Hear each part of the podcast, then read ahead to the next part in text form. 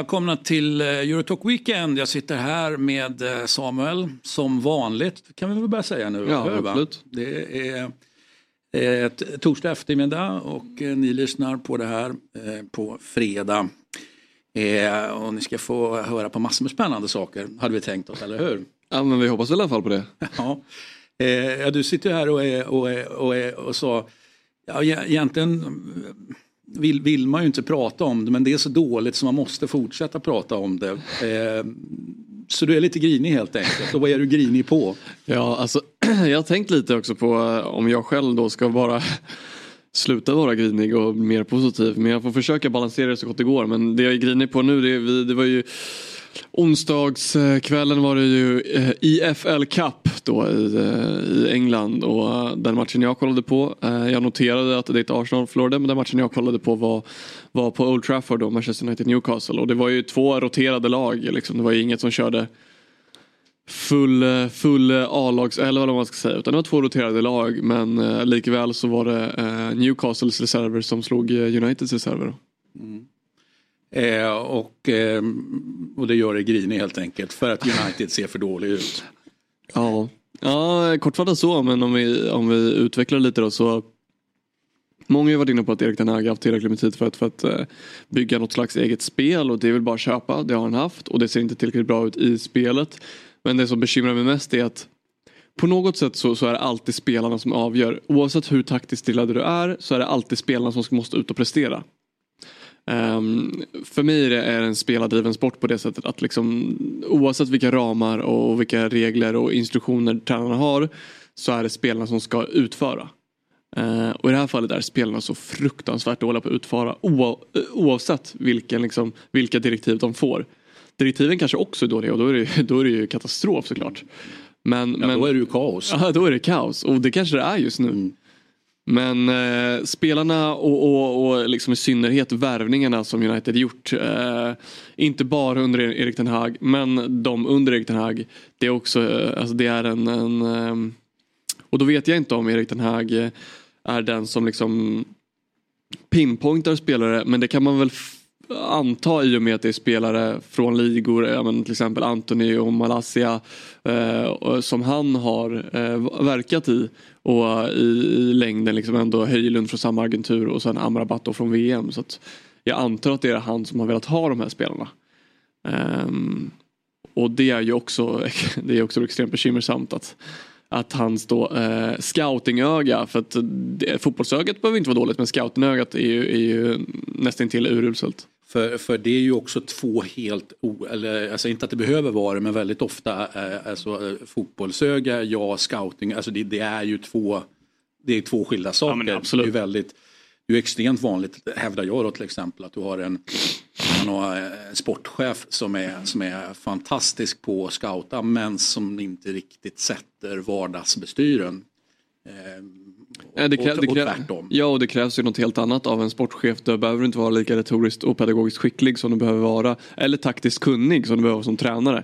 Och tvärtom, du behöver inte kunna se potential på samma sätt i spelare eh, eller scouta spelare som du kanske som, sport, eh, som tränare som du behöver göra som sportchef. Då, då. Mm. Um, men i det här fallet så, så kan man anta i alla fall att Erik har haft stor, stor påverkan eller inverkan på, på värvningarna. Och de har spenderat mycket pengar i vanlig ordning och det ser åt helvete ut. Och fortsatt eh, behov då av den här superhjälten som vi, vi fick vi får tacka för bilden på, på Casemiro som Batman. ja. Batman då igår som var kapten och blev utbytt i paus mot, mot uh, Amrabat. Precis, bara, bara, bara, bara hamna i ett läge när man byter ut Batman. det, det där är inga bra grejer alls. Eh, med det sagt så men när allting är eländigt då så kom ju en eh, nyhet eh, i veckan då som jag tyckte var, ja men jag kunde inte annat än att dra på smilbanden för det säger någonting om att ja men, ja, men allting bara är åt helvete. Eh, ja, nu, var ju, nu var det ju, och vi är kvar på United då för att vara tydliga, nu var ju spelarna tydligen då irriterade för att tröjorna, eh, de är för tajta helt enkelt. Eller hur? Ja. Du hör ju själv va, det, det, liksom, det, det, tar aldrig slut. Vad är nästa då? Vänta nu, matlådorna här. Ja. Nej men det är lite som man söker problem överallt utom i sig själv. Då, då. Att det är kanske man själv som ska då kolla sig i spegeln och tänka jag kanske är problemet just nu, jag måste bli bättre.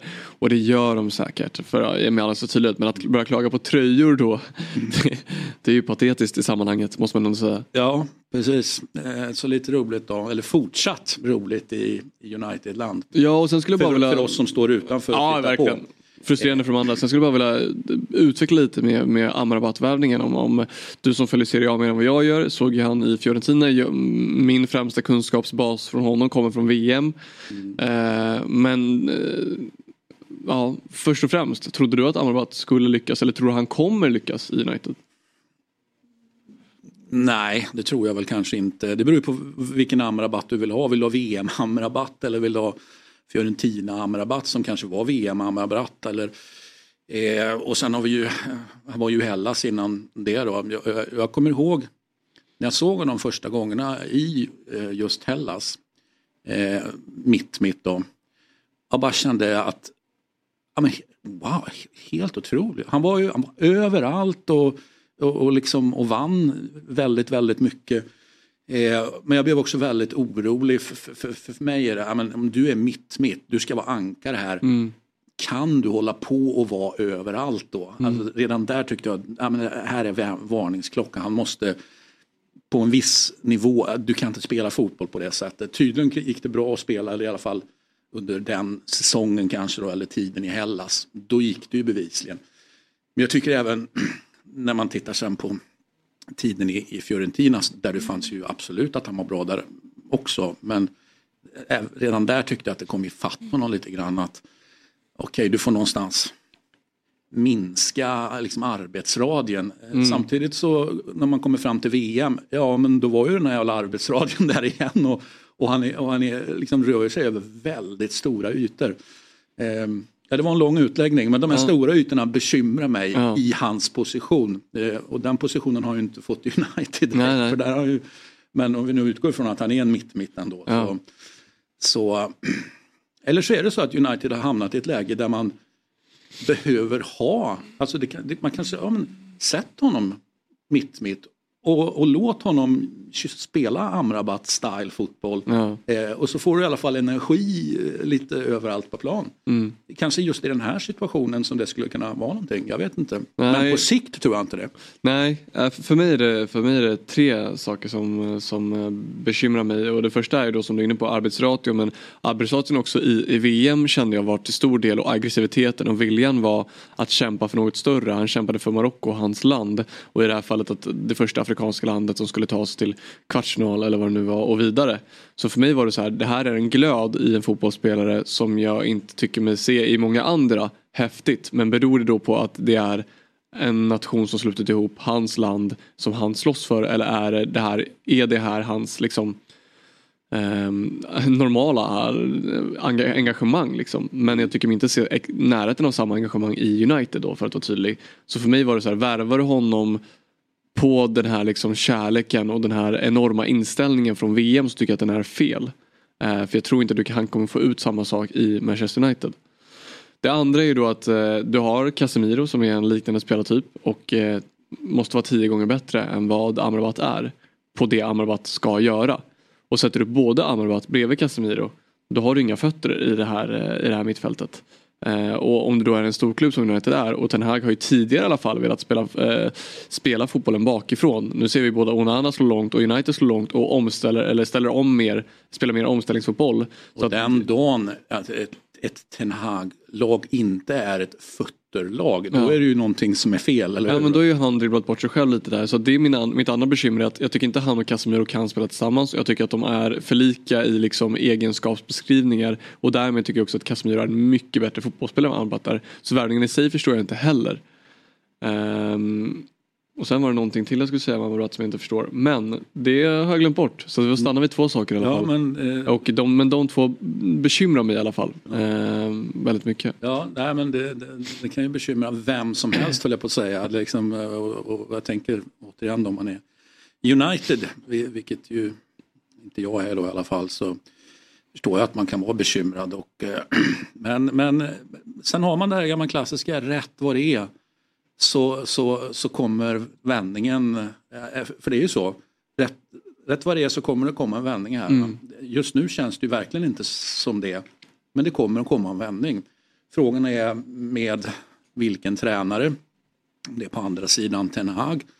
Eh, och, och såklart om det om vändningen kommer, rent teoretiskt kan den komma den här säsongen. Mm. Tror vi att den gör det? Nej, det gör vi väl inte riktigt. Eh, men vem vet vad som händer i vår. Nej, precis. Eller, det... eller över jul och nyår eller när det nu är. Ja. Men det känns ju inte så här och nu. Nej, verkligen inte. Och jag tror att uh... Ja, eller jag tror, jag tror att alla tror samma sak men i och med att klubben har misslyckats i så lång tid med att sätta tränare och, och andra över tränaren då och, och nyförvärv etc. Så är det ju ett större problem än bara tränare och spelare på plan. Även fast jag tycker att spelarna har det största ansvaret så har man ju enorma problem med att, med att sätta personal i både form av personal utanför men också på planen i Manchester United. Och apropå problem då så känner jag att jag vill fortsätta prata om en annan grej som vi har touchat, tror jag i alla fall lite tidigare du och jag. Vi har touchat honom i alla fall, haft diskussionen om när, var och hur man ska släppa en spelare som bevisligen har gått väldigt bra. Tror man att det fortfarande finns utväxling eller ska man casha in? Eh, jag är på Osimhen såklart som ju nu såklart är skadad igen. Såg en, en, en sammanställning då eh, som då tittar lite framåt nu. Man, man gissar ju ändå att si och så många matcher kommer han vara borta nu. Då. Ja. Eh, och under tiden i Napoli eh, så är vi alltså uppe på 58 matcher. Och då är det också även inbegripet att han eh, spelat afrikanska. 58 missade matcher då? 58 matcher under tiden i... Mm, är... så, så, man kan ju förstå... Eh, och när kom han? Var det Aurelio de Laurentiis eh, liksom ilska. Ja. Alltså 58 matcher, det är mycket.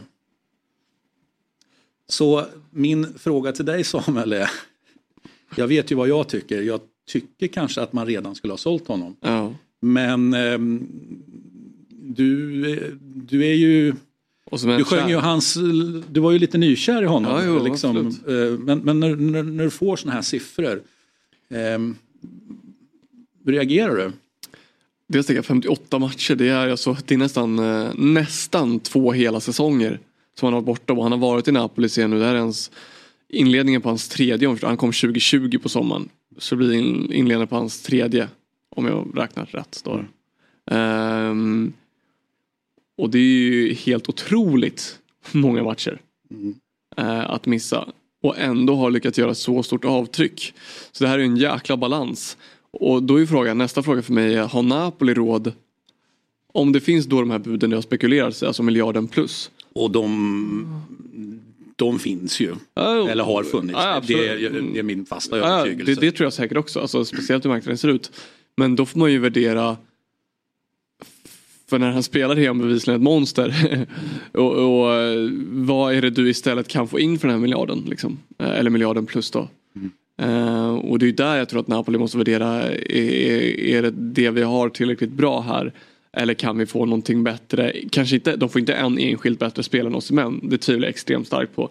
Men de kanske kan få in en, en eller två. Eller två som ja, kan eh, kanske... nästan mäta upp till både spelade matcher och, och, antal poäng. Men de får ju aldrig in en lika bra spelare som Osimhen. Nej, och man kan ju rent nu säger inte jag att, att Napoli fungerar dåligt med Osimhen längst fram. Eh, det säger Nej. jag verkligen inte. Men eh, det kan ju faktiskt vara så att du får ett lag som fungerar precis lika bra eller kanske snäppet bättre. Mm. Eh, ut, utgångspunkten som klubb måste ju vara att du tror på din förmåga att kunna fixa det.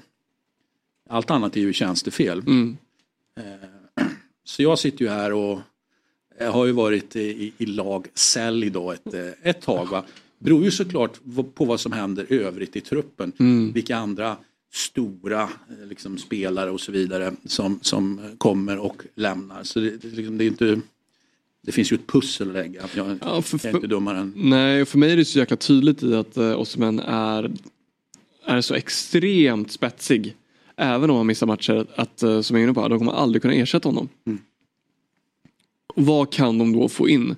Alltså kollar du ett världsperspektiv så ska du ha en anfallare även om du ska ha Alexander Isak till exempel. Då går han för 70 miljoner euro till Newcastle. Och Alexander Isak med all respekt jätteduktig anfallare men han är inte på världstoppen så som Osimhen är enligt mig. Så då måste du minimum om du ska ha en i närheten av Osimhen lägga minst 70 miljoner euro då. På en ersättare till Osimhen. Och vem det skulle vara, det kan jag inte identifiera. Jag, jag har inte det inom mig och det hoppas jag att deras sportchef och scouter då kanske har identifierat ja, någon. De ska ju ha en lista här. De ska ha en lista. Men jag kan inte se för att om du då går till de yngsta talangerna så väljer de hellre kanske Barcelona, Real Madrid, eh, toppklubbarna i England eller Tyskland eller, eller i vissa fall PSG. Men jag tror inte du får ut samma prestation på planen även då om man har missat 58 matcher. Um, som du får med Osimhen. Så det här är ju för mig en fråga om hur lite i Napolis fall eller mycket sportsligt sämre blir det genom att sälja honom. Mm. Och jag hoppas att han säljs i så fall till, till, ja, du, till spanska huvudstaden. Det, du har ju redan paxat honom där för några program sen. Precis.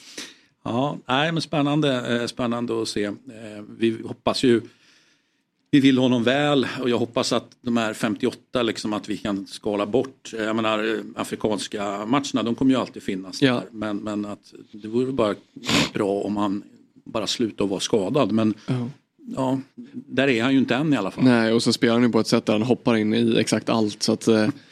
Ja precis. Och, och den lilla edgen vill du inte egentligen ta bort fast det kanske hade varit nödvändigt i vissa fall. Det, det blir det som blir spännande att se. Om, om han blir, det kan ju bli så att hans kropp Eh, kommer att se till att han blir tvungen egentligen att, att, att slipa på det där. Alltså, mm. I takt med att han blir också äldre och då menar jag inte bara kroppsligt, han blir äldre mentalt, kanske blir smartare. Men då kanske han tappar den här edgen eh, som gör honom, ja, som har gjort att du är kär i honom. Ja, alltså, jag hade inte velat ha honom utan den här eh, liksom instinkten till att göra exakt allt för att, för att göra mål helt enkelt. Eller assist eller poäng eller vinna. Mm. Det är den som gör att han är det kombinerat med en del annat fysisk eh, ja, men excellens och, och liksom avslutsförmåga i rang eh, som gör att man vill ha honom. Men tar du bort de här, även om det är fem eller tio eller hur många procent det är, men tar du bort dem så då är han inte lika attraktiv.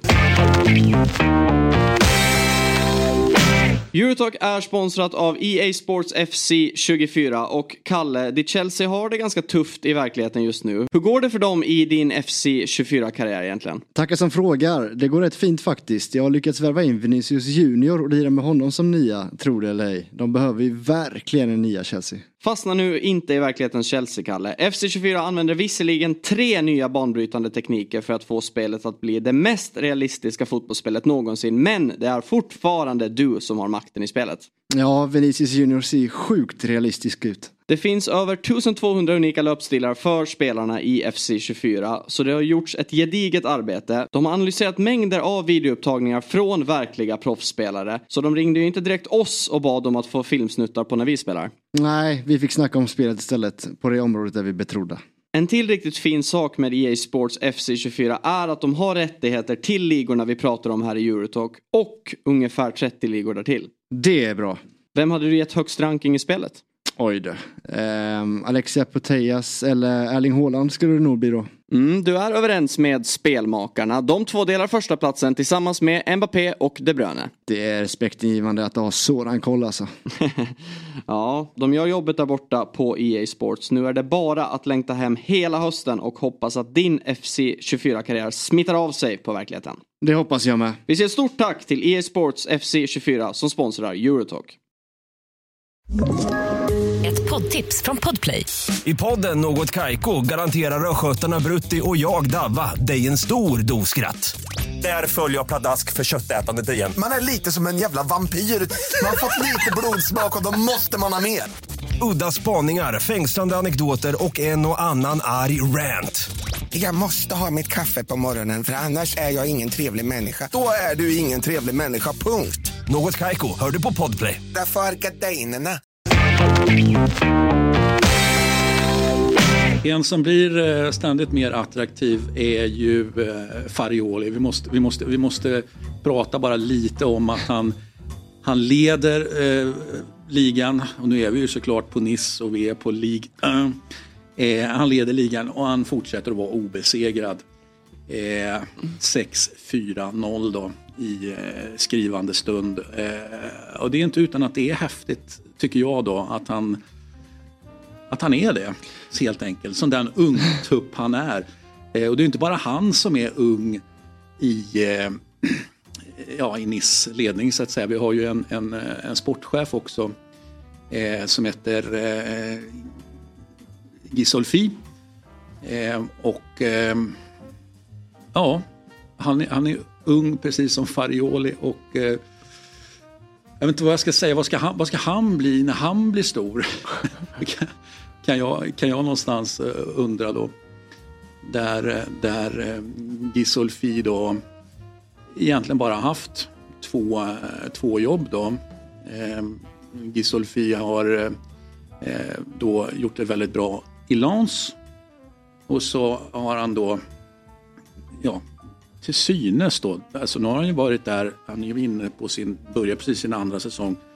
Eh, så det kan gå att argumentera för att det kan finnas som sak, positiva saker som sitter i väggarna som, ja, som fortfarande eh, liksom gäller och gör att saker och ting funkar. Men då att, att döma av den här unga karriären han har då, den här gamla damtränare är han ju också då, Gisolfi i, i Rem. Eh, sen lite grann eh, över till, till herrfotbollen också i Rem. Sen till damfotbollen i Paris Saint-Germain och sen lite assisterande herrfotboll i Lorient.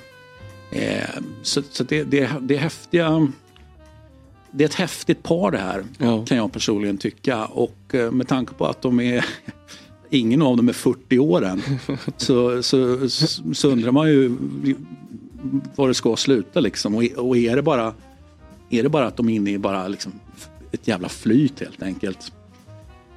Nej, man hoppas, eller man hoppas, alltså, jag, ja, vad är flyt då? De har väl förmodligen kämpat sig till och på alla möjliga sätt den här, de här framgångarna. Så jag skulle väl inte vilja tillskriva det flyt. Eh, men däremot så, så är det väldigt spännande. Dels att du tog upp det här i, om det var första programmet vi pratade, just Farioli.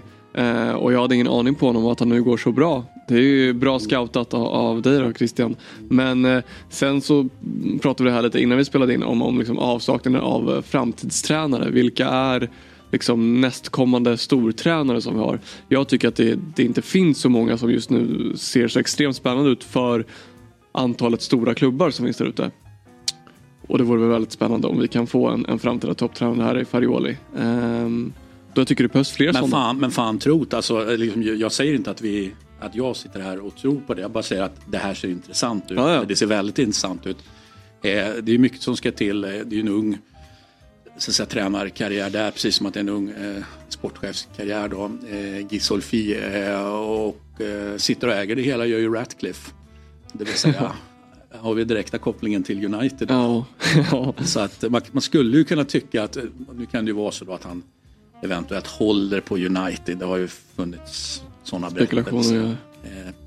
Eh, eh, men jag tycker han, i min värld, ja, Ratcliffe, sitter du inte rätt bra i Nice? Jag tycker det verkar vara en rätt Alltså, skön Ja, men tillvaro. vilket jäkla dröm, eh, vilket drömställe att sitta som del med ägare eller spelare eller tränare eller sportchef. Det, det går väl inte levnadsmässigt att få, det- få det mycket mer kvalitativt eller?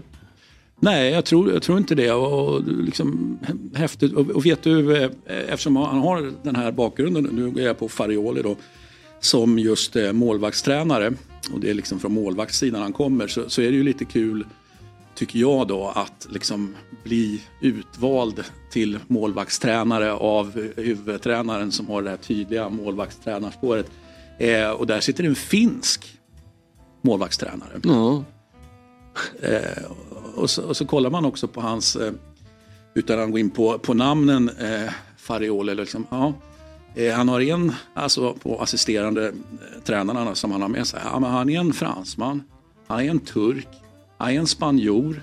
Eh, och sen är det någon nationalitet som jag inte kommer ihåg det. Men det är liksom, det är olika rubbet. Ja, och det kan väl få de ihop det och kan förstå varandra då på ett gemensamt språk så är det väl fantastiskt att kunna ha många i, i en ledarstab med spetskompetens och som talar väldigt många språk då. Att, eh, eller väldigt många olika språk. Det är, ja men då får man väl med alla. Det, ja, det är spännande. Vi följer ju Farioli med, med spänning. Ja, ja men precis. Man, man skulle ju kunna eh, få för sig då att ja, men det finns någon sån här det skulle ju kunna finnas en, när man tar så, ja, men, eh, en enkel förklaring. Ja, men de, har, kolla, de, har, de har värvat och, typ Osimhen, nu har de ju inte gjort det då, men att de har en sån här supervärvning som bara pang bom sitter och som är skyttekung. Och, men, men, men det är ju inte riktigt så heller. Utan, eh, det man gör eh, är ju att man då ja, men, sakta men säkert, man tittar lite grann på just liksom de här spelarförklaringarna. Ja, det är väl snarare förklaringen att det är vissa spelare då som har lämnat. Eh, och, och, då har vi då Kasper Schmeichel till exempel. Det var ju mycket prat om att han inte klarar av att uppföra sig på rätt sätt och skulle ha massor med... Ja, men det var, det var divalater helt enkelt. Det, det, skulle vara massa undantag och specialgrejer och hit och dit. Eh, men Schmeichel eh, eh, försvann ju inför säsongen, eh, tog med sig eh, Kasper Dolberg då för att fortsätta på så att säga, danska spåret. Och sen tittar man på de här som liksom kommer in. Ja, här recyclar man ju Boga från Atalanta till mm. exempel som liksom har, är på väg att hitta, hitta sig själv ska man kanske säga. Eh, så, så, det är inga, det är inga liksom den här självklara enkla liksom, ja men det är klart att det här går bra för det här mm. nyförvärvet levererar ju på det grövsta. Mm.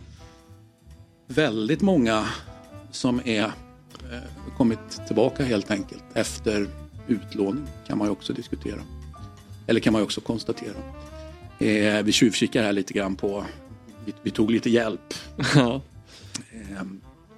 nej, vi vi kanske, ja, vi släpper ju inte Niss, men vi, vi släpper Niss för programmet. Eh, är det någon spelare som du så säga, reflekterar över i Niss? Att du, alltså nu vet jag att du inte punktmarkerar Niss. Nej, men jag tycker, de, jag tycker för mig då, eh, som inte kollar Niss varje dag, så tycker jag att de har två spelare som, som sticker ut. Och det är ju Caprem Turam på mittfältet och eh, Jean-Claire Todibo eh, som mittback som, som ryktas väl till diverse större klubbar då, än Nice då. Eh, som vanligt. Som vanligt. Och, eh, ja, jag vet inte om man kan kalla det ett misslyckande i Barcelona. Han fick väl aldrig chansen riktigt eller? Nej. Eh, men, men han hade väl i alla fall problem med liksom sin persona där i alla fall, vet jag.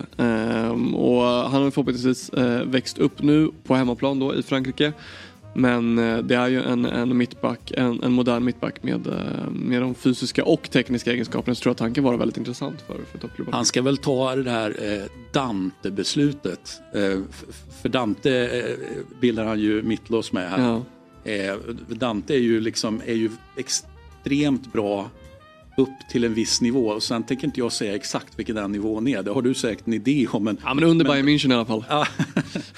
ja men precis va. Och, och jag menar på, på vissa nivåer så funkar det bara så otroligt bra. Och, eh, ja, men nu har han ju ålder inne för att vara liksom pappa i laget ja. och så vidare. Så, att, eh, så jag, jag, säger att Todibo, han har ett Dante-beslut att ta här. Eller så ska han upp och, och vara ande igen. Liksom. Mm. Det, det, är mycket möjligt men eh, tillbringa stora delar av en karriär i Nice be, behöver inte vara fel, Todibo. Nej, verkligen inte. Eh, som vi sa, vilken, vilken drömplats att vara på. Men där har vi också Radcliffes kanske andra gäng då som, som är i behov av eh, både det ena med det andra. Det kan ju både Kefrem Turam och eh, Todibo kanske kika lite på. Mm. För atletism, det saknar de någon god i United. Mm. Ja men så är det ju. Eh, ja, vi tar oss vidare från Nice då till eh, ja, fotboll som har spelats. Eh, det är inte all fotboll som har spelats i veckan eh, som har gjort oss förbannade eller irriterade. Eh, vi såg ju fram emot vissa grejer eh, förra helgen och då var ju du eh, sugen på, på eh, det, det numera döpta Gotham-derbyt. och eh, sen var du lite El Clasico-sugen också. Va? Ja. Har några... Eller kanske liksom en klassiker räcker kanske bara med att säga. Jag, jag gillar den eh, löpsedeln i England, liksom Lord Bellingham. ja, men det säger ändå någonting om att ja, eh, det är rätt mycket Lord över Bellingham just nu, är det inte Ja, det? alltså, jag, jag vet inte heller vad man ska säga här. Superlativen börjar väl ta slut men eh, det, jag tror att eh, det inte finns någon som hade kunnat föreställa den här starten eller den här kvaliteten hos den här spelaren. Eh, Han är... Han är lord. Han, han är lord. Han är lord och han är överallt. Eh, man brukar säga att han är överallt och ingenstans. Men här är han bara överallt. På ett positivt sätt och inte på ett Amrabat-sätt. Jag då tänkte ju säga det, nu pratar vi Amrabat eh, Nej, nej. Nej, det är ju Utan här pratar vi, gör, här pratar utan- vi överallt med finess. men eh, nej, det går väl att, eh, att eh, prata en del om, om El Clasico men, men eh, vinst eh, på, på bortaplan då för, för Real Madrid på Olympiastadion i Barcelona. Eh, en match med, med två olika ansikten där Barcelona var mer dominanta i, i första halvlek och Real Madrid i, i andra halvlek. Eh, många tillskriver väl Ancelotti som coachseger här i och med bytena han gör. Men jag tycker att det är väldigt konstigt att man inte startar Kamavinga i ett sånt här möte när han är så extremt viktig i, viktig i toppmatcherna med eh, alla de förmågorna han besitter. Ja, härligt drygt arrogant och inte ens behöva spela bra hela matchen. Vilket vi har konstaterat hundra gånger att de inte behöver göra. Nej. Men eh, Och sen kan jag också tycka att eh, jag tycker mig mer och mer och det här säger jag inte bara som supporter av antagonisten utan det här säger jag för att jag tycker om man, om man studerar Xavi, ofta hans eh, intervjuer eller presskonferenser i eh, ja, Barcelona-tidningen då Mundo Deportivo så jag, så jag före jag, liksom, jag antar att de inte felciterar honom här. Eh, och eh, då säger han ju hela tiden att eh, han, Barcelona förtjänar alltid att vinna, Barcelona spelar alltid bättre än motståndare och eh, ingen kan ta kritik av någonting. Liksom. Medan Gündogan å andra sidan var ute och sa direkt att jag kommer inte hit för att förlora sådana här matcher. Jag hade önskat mig lite mer ilska i omklädningsrummet eller jag hade önskat mig lite mer engage, äh, inte engagemang men, äh, ja, men att det hände mer. Att det liksom, det, han sa att det behöver inte flyga saker men att folk... men det gör ingenting om det... Ja, men, slå sönder ett skåp. Ja, men han, Alltså, han, han förväntade sig i alla fall mer känslor än vad de tydligen visat i omklädningsrummet och han var inte alls nöjd eh, med det här. Så att eh, det jag fortfarande är, jag tycker ju som sagt jag har varit inne på flera gånger att Xavis träning inte är tillräckligt bra eh, för Barcelona.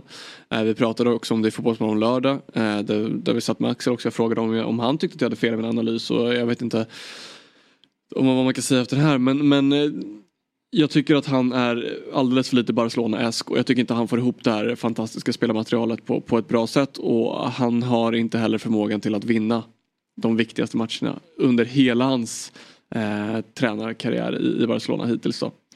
Eh, och jag tycker faktiskt att han har en eh, Ska man säga en spansk, eh, nästan spansk loser-mentalitet? Alltså vet den här lite eh, Mikael Arteta har på Så, sidlinjen så också. som det var en gång i tiden. Alltså, jag menar, det fanns ju faktiskt en gång i tiden då det verkligen fanns en spansk lose- loser-mentalitet. Ja, och sen har ju han varit med och vunnit mycket. någonting och så vann man allting. Och han var ju framförallt väldigt stor del att man vann allting. Men om man kollar på hans eh, beteende på, på sidlinjen och liknar det med, med Mikael Artetas till exempel då, så agerar de väldigt mycket samma. Liksom, att man är extremt osportslig i, eh, i det mesta man gör på sidlinjen och försöker påverka på alla andra Oh. sätt än de till, tillåtna. Oh, det var hårda ord här. Ja, I men- love it. I love it. Men eh, det, det står jag väl för. Ja, det får du nog ta och göra för att det här kommer folk ha synpunkter på kan jag säga. Och det får man jättegärna ha. Och, och då eh, citerar jag dig och jag felciterar inte och jag fulciterar möjligtvis men här har vi alltså extremt osportslig, var det så?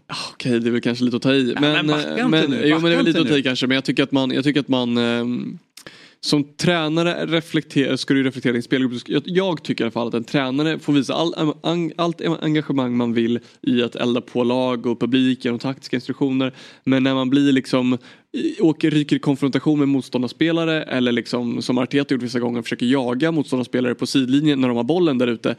Jag tycker att det är liksom, Äh är inte det under en tränares värdighet tycker jag då, då personligen.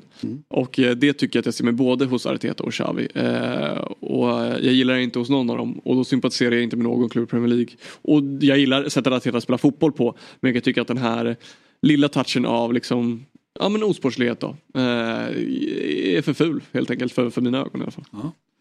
Härligt att höra. Ehm, eh, någon mer match som du vill prata om som du såg där du var sugen på? Vi, vi, vi, Vi har ju redan pratat så mycket United. Ja, vi pratade lite om matchen. ens, Jag tyckte matchen var väldigt tråkig att kolla på. Uh, United-derbyt. Uh, City får ju matchen dit de vill. Haaland, uh, två mål assist. Ehm, det blev 3-0 och inte 5 som, som, jag kanske siade då. Ehm, Det går ju att argumentera för att det är i samma härad då eventuellt. Då. Ja, men då tar vi oss till Italien då istället för där eh, tittar du också på fotboll. Ja, Har jag och- förstått. Jo precis, jag såg... Eh, Vad såg du då? Jag såg Napoli-Milan. Jag såg inte eh, Inter-Roma då utan jag såg eh, den Och senare vad, matchen. och vad såg du då? Du såg ju, ja det var inte så mycket Osimhen då som vi redan Nej men vi har ju diskuterat en hel del Leao också. Problem eller icke-problem att vara eller inte vara. Ja, ska, Och- vi, ska vi ta det igen? Nej, men, eh, och vi diskuterade ju hans insats efter, efter, efter matchen mot PSG. Då är det i form av spets och, och sådär. Och här visar han ju kanske mer bredd än spets igen då. Ehm, och kom väl inte till sin rätta. Utan eh, det gjorde någon annan i Milan och, och Giroud som jag tycker gör en, en väldigt bra match. Och alltjämt, som man alltid säger då, då, men jag tycker faktiskt fortfarande han är det, underskattad. Ja, alltså det är ju helt otroligt med tanke på att han är 100 år. Ja men det, och, och ändå till Eh, klubbar i Arsenal och ja. Chelsea. Men jag tycker fortfarande han var bra i Arsenal enligt mig. Jag är inte Enligt, Arsenal-potter. enligt mig också. Jag tycker att han fyllde en funktion i, i Chelsea också. Absolut. Och jag tycker att här i Milan är han ju, jag tycker han är det är en forward som det kanske inte glänser så mycket om men fan vad han gör, gör bra grejer i straffområdet. Ja, men när han kommer när han kommer i de där löpningarna och, och är så stark på huvudet som han är och så bevisligen är, har han ju det är ju inte bara att komma i en löpning utan Nej. du ska ju såklart tajma löpningen också. Han är i princip, om vi säger så här, om Osimhen är ostoppbar för att han är så otroligt fysiskt stark då, och, och till exempel på, på huvudet då, bara för att göra den jämförelsen, så är det någonting annat med Giroud. Jag menar, han är ju absolut stark på huvudet, absolut, men eh, alltså vägen dit är ju liksom übersmart. Det är ju inte riktigt för Osimhen. Osimhen känns ju mer att han nästan på superhjältemanér liksom bara, bara, bara flyttar på folk helt enkelt. Men, men, men, Giroud tänker ju bort Ja. motståndarna och det är väldigt häftigt att se. Jättehäftigt och han har väl lyckats eh, befästa sin startplats i kanske en av de bästa franska upplagorna någonsin och har väl mest landslagsmål av av alla i Frankrike. Eh, Och jag kan bara tänka, nu är han ju väldigt gammal men Real Madrid har ju Joselu på den positionen eh, som gammal Ska du ha honom nu också? Nej men jag tänker att vad, vad, alltså tänk Giroud som är då många gånger bättre än vad Joselu är och Joselu fyller ju en väldigt stor funktion i Real Madrid. Tänk då att ha en Giroud. Och man ska inte underskatta heller hans kombinationsspel. Eh, Jag tycker Giroud är en, en väldigt, väldigt bra anfallare och hade gjort det väldigt, väldigt bra i nästan alla klubbar. Så nej, men, men, men eh, anmärkningsvärt också att, att Napoli tar, eh, tar sig ikapp. Jag tycker att Napoli såg eh, Ja men eh, jag tycker inte alls de var spetsiga under matchen. Jag, tycker att Milan, eh, hade det varit boxning hade Milan vunnit på poäng. Men, eh, men ja, Men nu var det inte boxning. nu var det inte boxning, nu var det fotboll och, Milan, och Napoli tog sig tillbaks. Och, mm. Jag tycker det var en, en sevärd fotbollsmatch.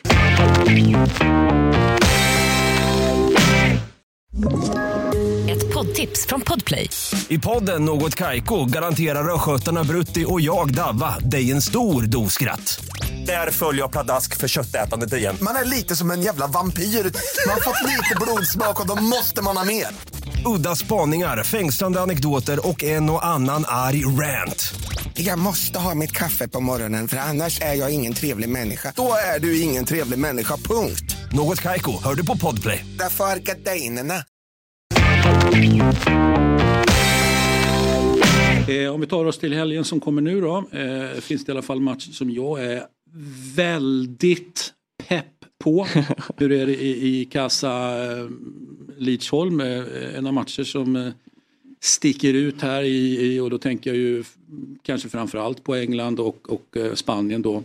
Eh, Jag skulle väl inte med samma entusiasm säga att jag är väldigt pepp eh, på någon match. Men det är klart det finns godbitar i helgen som komma skall.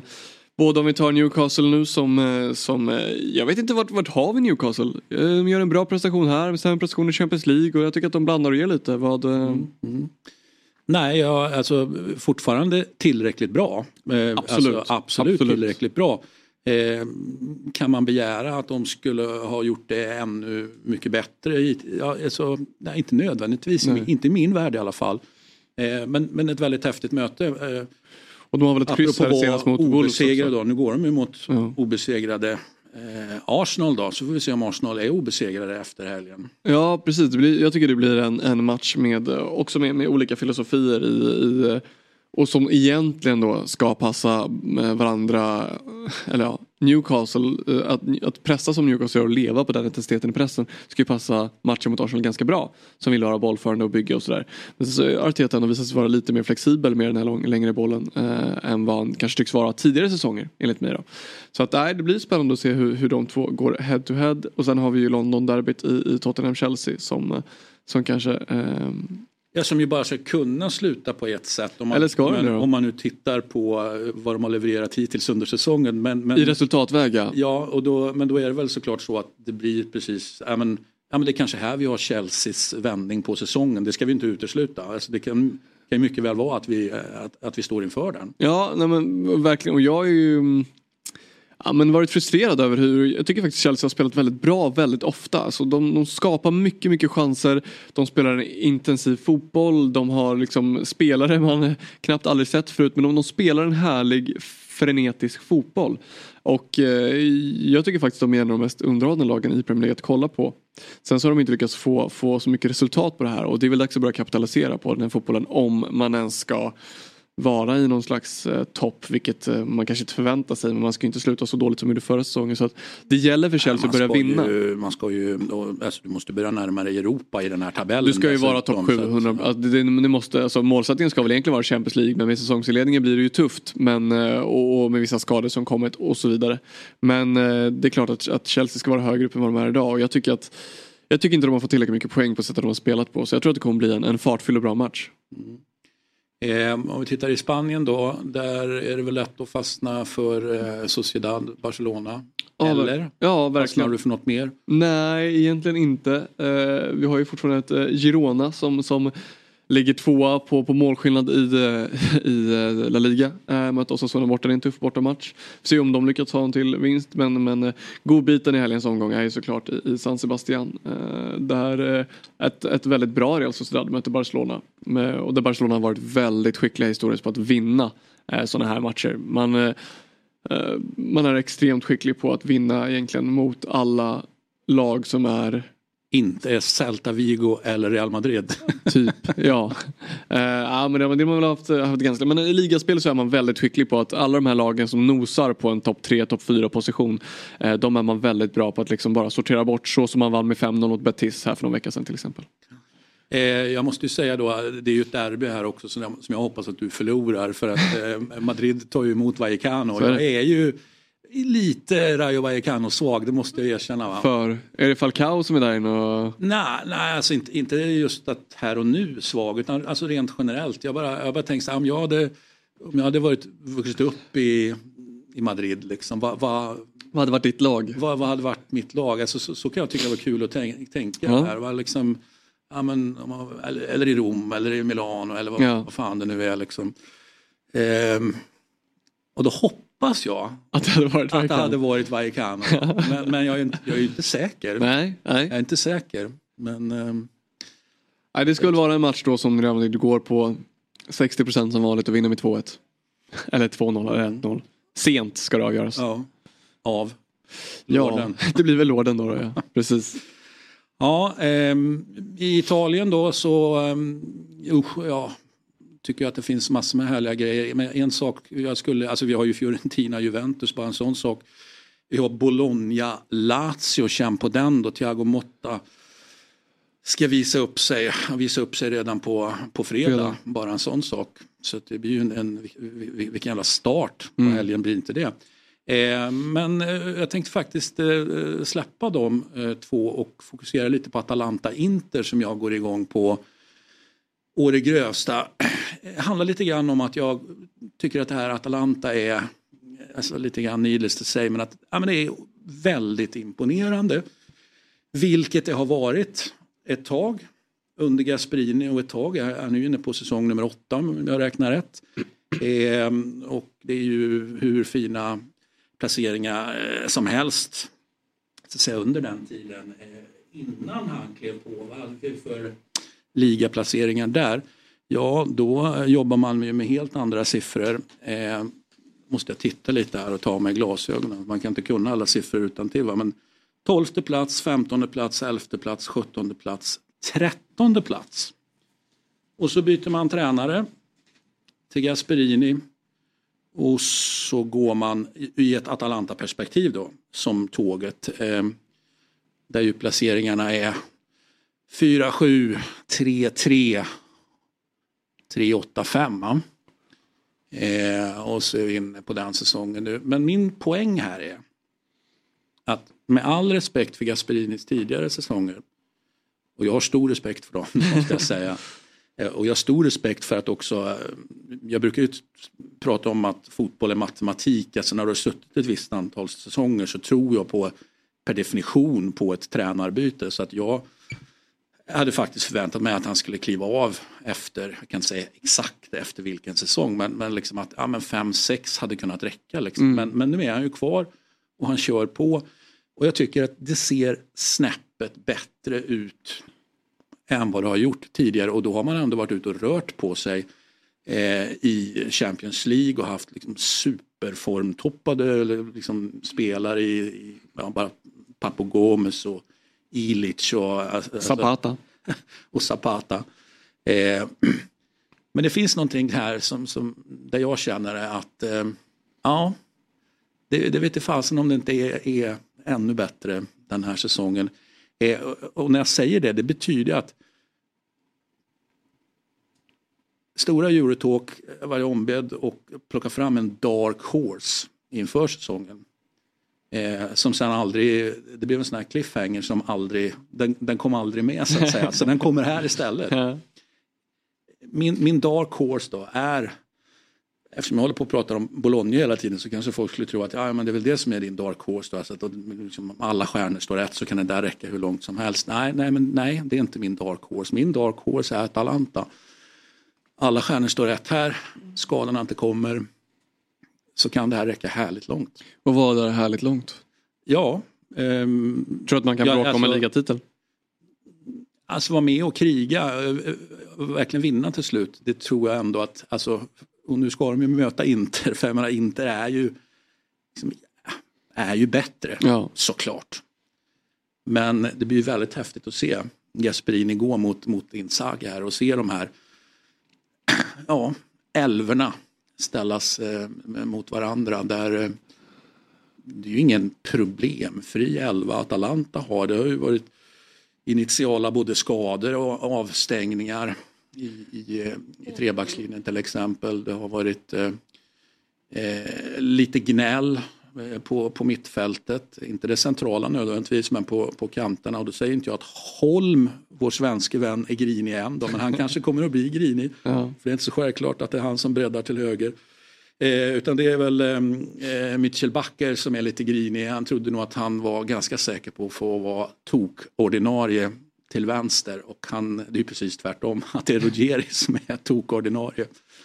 Eh, och så har vi ju de där på trekvarten eh, där ju eh, Charles de Kettel har, eh, har ju fått rycka in där framme eftersom det har varit skador längst fram helt enkelt. Då. Men han har ju tänkt, vad jag kan bedöma i alla fall, som trekvartista här. Eh, och sen så har vi då El Bilal Touré som ju åkte på skada innan, redan innan säsongen startade. Och Skamacka som jag pratat om tidigare och den där Moriel som jag är så kär i som ja. på någon slags avskedsturné. Sen får vi se hur lång Och Adam Ola Luckman som har väl varit framförallt förra, vad blir det? Våren var väl briljant. Han är i hysterisk form då. Ja. Ja. Sen har han eh, möjligtvis stigit honom ett huvud. Han har ju faktiskt fått kritik. Eh, Gasperini eh, är lite rolig. Han liksom, han är inte så bekymrad om, om han nämner spelare vid namn. Man kan ju verkligen diskutera det. Om du, liksom, ska du, alltså när, var och hur eller om du ska klaga offentligt. Vi sätter i alla fall stopp för spekulationer om vem man menar. det kan man ju definitivt säga. Eh, han konstaterar ju att Luckman, ja, men, ja, men han, han går omkring på planen för mycket. Mm. Det, det här funkar ju inte. Eh, och nu har ju Luckman då senaste matcherna efter att ha fått höra det av Gasmin faktiskt spottat upp sig måste jag säga. Så att, eh, Vad, vad, vad känner du för det här Atalanta då? Vad, har du någon... eh, Du men- kanske inte sitter och tittar Jo, jag- Atalanta jag- varje Ja, men helg. jag har varit väldigt imponerad av Atalanta senaste åren och, och speciellt sett att de har rekryterat och utvecklat spelare på. Och det är ju många av de här namnen då som går in i liksom eh, jag tycker det finns två fack här. Eh, namn man känner igen som misslyckats någonstans. Vi har backar i PSG, Kolasinac, Arsenal och, och eh, Marseille till viss del va. Eh, och sen så har du Skamacka i som var, var eh, bra i, eh, i Sassuolo. Mm. Och dålig i West Ham. Eh, så att, och sen Charles de Kettler som, som eh, var väldigt bra i, i belgiska ligan i Klubb Brygge och, och dålig i Milan. Så att det Det finns var ju... snällt sagt dålig. Ja, Han var sämst i världen i Ja, Milan. något sånt i alla fall. eh, så jag tycker att det finns en, en, en eh, spännande liksom kombination av andra eller tredje chansen spelare och egentligen för mig då helt okända spelare. Ehm, men, men med det sagt så, så lyckas ju Gasperini alltid få ihop det på något sätt. Och, och där tror jag att, jag tror att när du kommer till Atalanta så, så, i och med att han har varit där så länge och faktiskt lyckats över så lång tid så är det så extremt självklart vem som bestämmer där. Och om då Gasperini går ut och säger att Luckman går för mycket på planen, ja men då är det väl bara att börja springa för annars är du out. Och det är väl där någonstans jag kan gilla de här eh, klubbarna som har haft framgång länge med sina tränare. Även fast du kanske tycker att man borde röra sig efter ett visst antal år så kan jag tycka att det är så extremt tydligt här vem det är som bestämmer. Och så länge det fortsätter funka, för det gör det likväl nu när man lägger tre i Serie A inledningsvis, eh, då är det bara att rätta in sig i ledet. Eller så blir det Papu och då får du försvinna och förstöra din karriär. Mm. Ja men så är det ju. Eh, och när man eh, räknar och tittar, jag gillar ju att räkna de olika positionerna, se till så att det finns tillräckligt med spelare. En fundering jag hade här då initialt var, vänta hur är det nu med mittbackar nu? Finns det tillräckligt med mittbackar? Eh, och, och, eh, eftersom dessutom kan man argumentera för att i alla fall inledningsvis fanns en diskussion, Kolasinac, var han kanske då menad lite mer åt att springa på, på vänsterkanten eller skulle han då gå så att säga vänster i, i, i trebackslinjen. Att man kunde göra både och men han ska lik förbannat räknas in någonstans. Ja. Jag gillar inte dubbelräkning om man säger så utan man ska in med honom. Eh, men, men nu är det ju bara så att ja, men, han går eh, i trebackslinjen. Eh, och då mm, blev det ju, alltså, oavsett var du sätter Kolasinac så, så, så i min värld så ja, men är man inte en mittback kort här och så var Palomino av liksom doping avstängd och så var det lite småskada på Toloi eh, och gjorde att Scalvini fick alla tre positionerna i, i trebackslinjen. Eh, och så hade vi en sjätte mittback då, Bonfanti.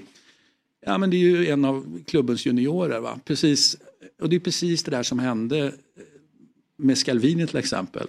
Scalvini är ju fortfarande hur ung som helst men ja men man sitter där och tittar, ja, men, eh, hur, hur ser den här sättningen ut? Ja men, ja men man har de här och så har vi, och så har vi den där, ja han den där ungtuppen också. Ja men Scalvini får, ju räk, får man ju räkna med här och så slutar det med några år senare att ja men, ja, men det är ju Scalvini alla pratar om. Ja.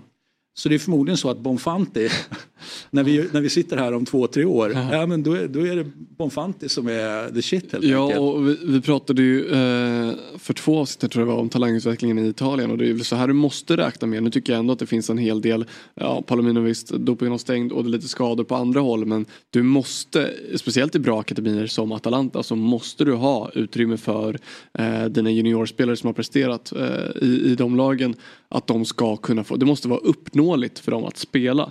Annars är det ju helt omöjligt att bedriva någon slags ungdomsverksamhet. Och eh, du säger att Scalvini- Scalvini fick chansen på så sätt och nu tagit chansen. Och, och Atalanta historiskt har ju haft väldigt bra akademi där spelare har tagit chansen och man har sålt för ja, men flera hundratals miljoner och då måste de räkna med de här spelarna. De måste alltså, för att kunna rekrytera, ja, men kanske inte, de kanske inte alltid rekryterar de bästa ungdomsspelarna men för att kunna rekrytera dem i alla fall i hyllan under så måste man kunna säga att du ser här på vår track record, här har vi en väg upp. Och det måste de fortsätta med.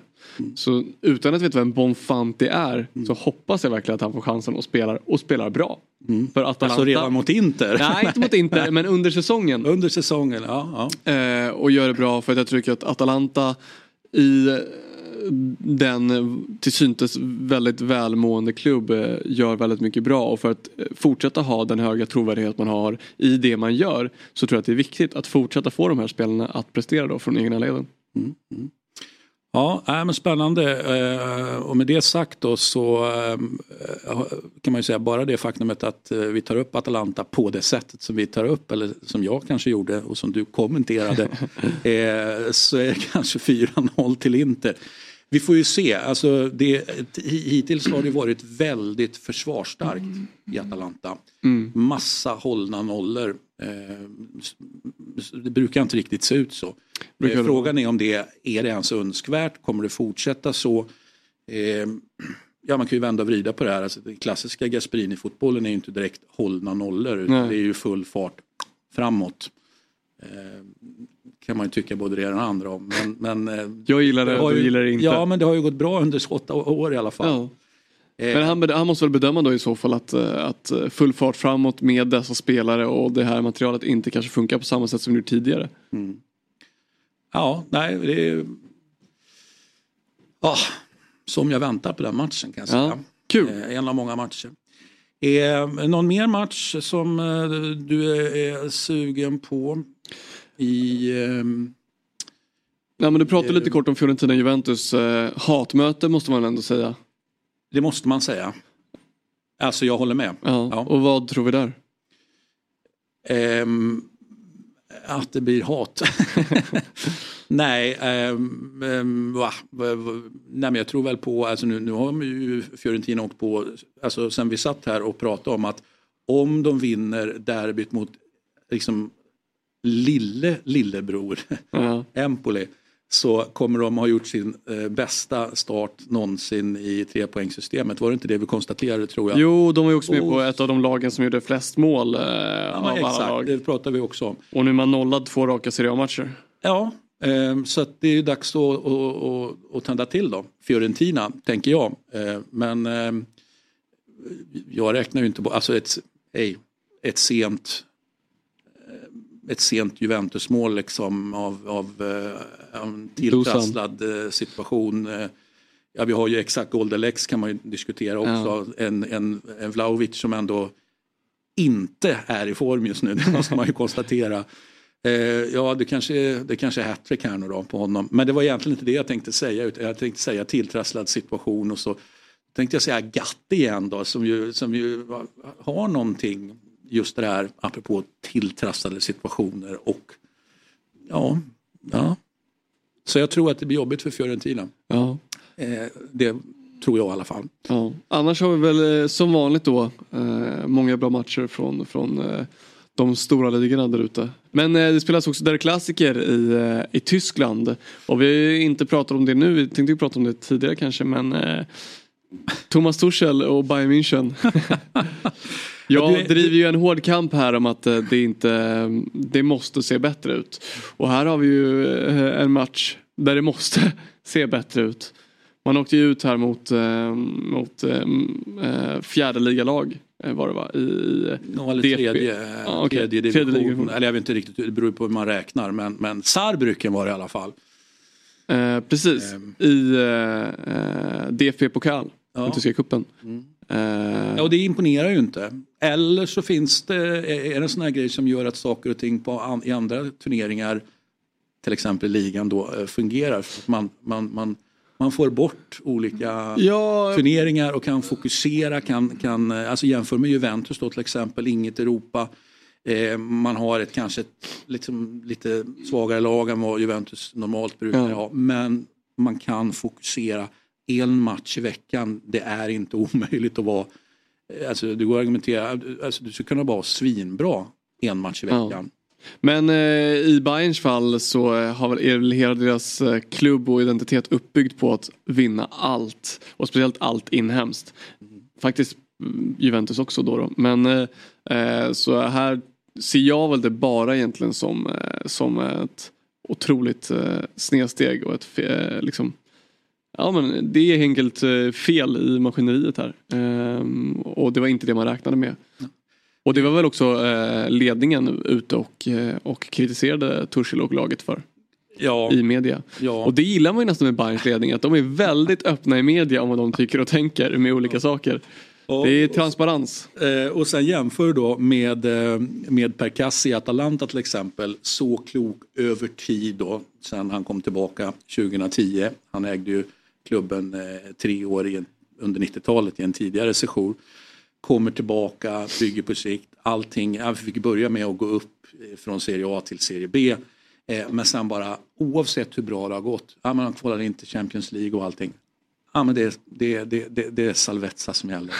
Liksom, du får inte någonting annat ur honom. Liksom, att, att det, ja, men, ja, men det är Europa eller det är Champions League igen. Utan ja, men det, det är Salvezza. Liksom. Ja, men det, det, det är nytt kontrakt, vi jobbar på lång- långsiktigt. Och, kan man ju tycka att det är ett jättetråkigt svar men det är också ett extremt trovärdigt svar. Ja. Ehm, så det är ju två såklart ytterligheter. Ehm, Bayern München och Atalanta fast nu är plötsligt är de ju bra mycket närmare varandra än vad de någonsin har varit. Verkligen. Ja, ehm, Halloween-tröjorna då? Har, du, har, har, ni, har ni sånt i BP? Nej, men marknadsavdelningen kanske behöver fila på det då. Ja. Nej, jag vet inte om man behöver det. Nej, det alltså, jag är väl- filas ju runt om i fotbollsvärlden i alla fall. Ja, och det har, jag vet inte hur länge, vet du hur länge Napoli har hållit på och släppt eh, mellan 7 och 10 tröjor per säsong. Liksom. Det är, men det måste väl... Ganska länge. Ja, men det måste väl onekligen gå bra, annars hade man inte fortsatt med det här. Så att, eh, Eller, alltså nu tror jag att det går bra men det finns ett eller här också. men de får ju alltid så mycket Eller publicitet. så är det the pet project av ägarens son. Vilket ju precis det var till en början i alla fall i Napoli. Att det fick Eduardo ha att leka med. Är Eller rätt sagt inte leka med för nu liksom, delar det inte s- serious business men det fick sonen hålla på med helt enkelt. Ja. Så Ja. att, eh, eh, det var det som var eller. Ja. Nej, jag tycker att det, ja, man får tycka vad man vill om det. Jag tycker nästan det är oseriösare att Napoli är sponsrad av Emporio Armani än att de håller på med massa halloween-tröjor och annat eh, hittepå. Eh, men så är det bara. Och här ser vi också att eh, Roma la ut något form av hattrick or treat i matchen mot, eh, mot Lecce då. då. Ja, det är en match där jag är inte, jag kan inte säga att jag ser fram emot den matchen överhuvudtaget. den, jag räknar, ja, du, du fattar vad jag räknar med. Jag behöver inte, Lukaku, behöver inte gå in, eh, ja, i bästa världar, eh, Kirstovic, men, men eh, ja. Med tanke på hur mycket jag har suttit och klagat på Roma så känns det som att eh, det är klart att bumerangen sitter här Det är någonstans. klart att nu släpper det. Ketchup-effekten. 7-0 mot Lecce. Ja, ja, ja, gud förbjude. Ja, nej. Ja, men du, ehm, jag är på väg att säga tack för idag Samuel. Om Tack inte du har jättemycket. någonting mer. nej, jag känner mig nöjd där. Ehm, tack alla som har lyssnat också. Ja, tack alla som lyssnar. Eh, absolut. Eh, och jag tänkte få se om, om det kan hända någonting i de här eländiga lägren som gör dig så oerhört irriterad. det vill säga Manchester United och Bayern München. Ja. Det är helt enkelt för dåligt. Eh, Tur att vi inte pratade PSG idag då, för det här är också ett, eh, enligt mig då, eländigt läger. Nej, det är ju inte riktigt lika eländigt som på de andra två ställena. Nej, alltså, med, med, nej, verkligen inte. Med all önskad tydlighet så finns det ju en, en hierarki här där United är högst upp i pyramiden i elände och sen där under Bayern München och strax under Bayern München är då PSG. Så att, eh, Ja, eländespyramider, det kan vara bra grejer. eh, tack för att ni lyssnar på Eurotalk Weekend. Ciao!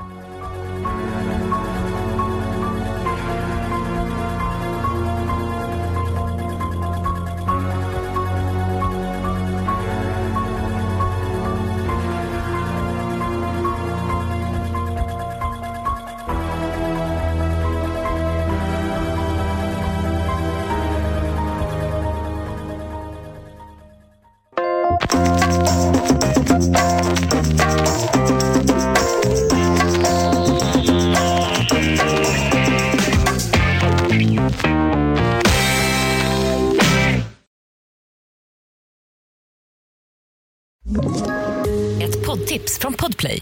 I podden Något Kaiko garanterar östgötarna Brutti och jag, Davva, dig en stor dos skratt. Där följer jag pladask för köttätandet igen. Man är lite som en jävla vampyr. Man har fått lite blodsmak och då måste man ha mer. Udda spaningar, fängslande anekdoter och en och annan arg rant. Jag måste ha mitt kaffe på morgonen för annars är jag ingen trevlig människa. Då är du ingen trevlig människa, punkt. Något Kaiko, hör du på Podplay. Därför är gardinerna.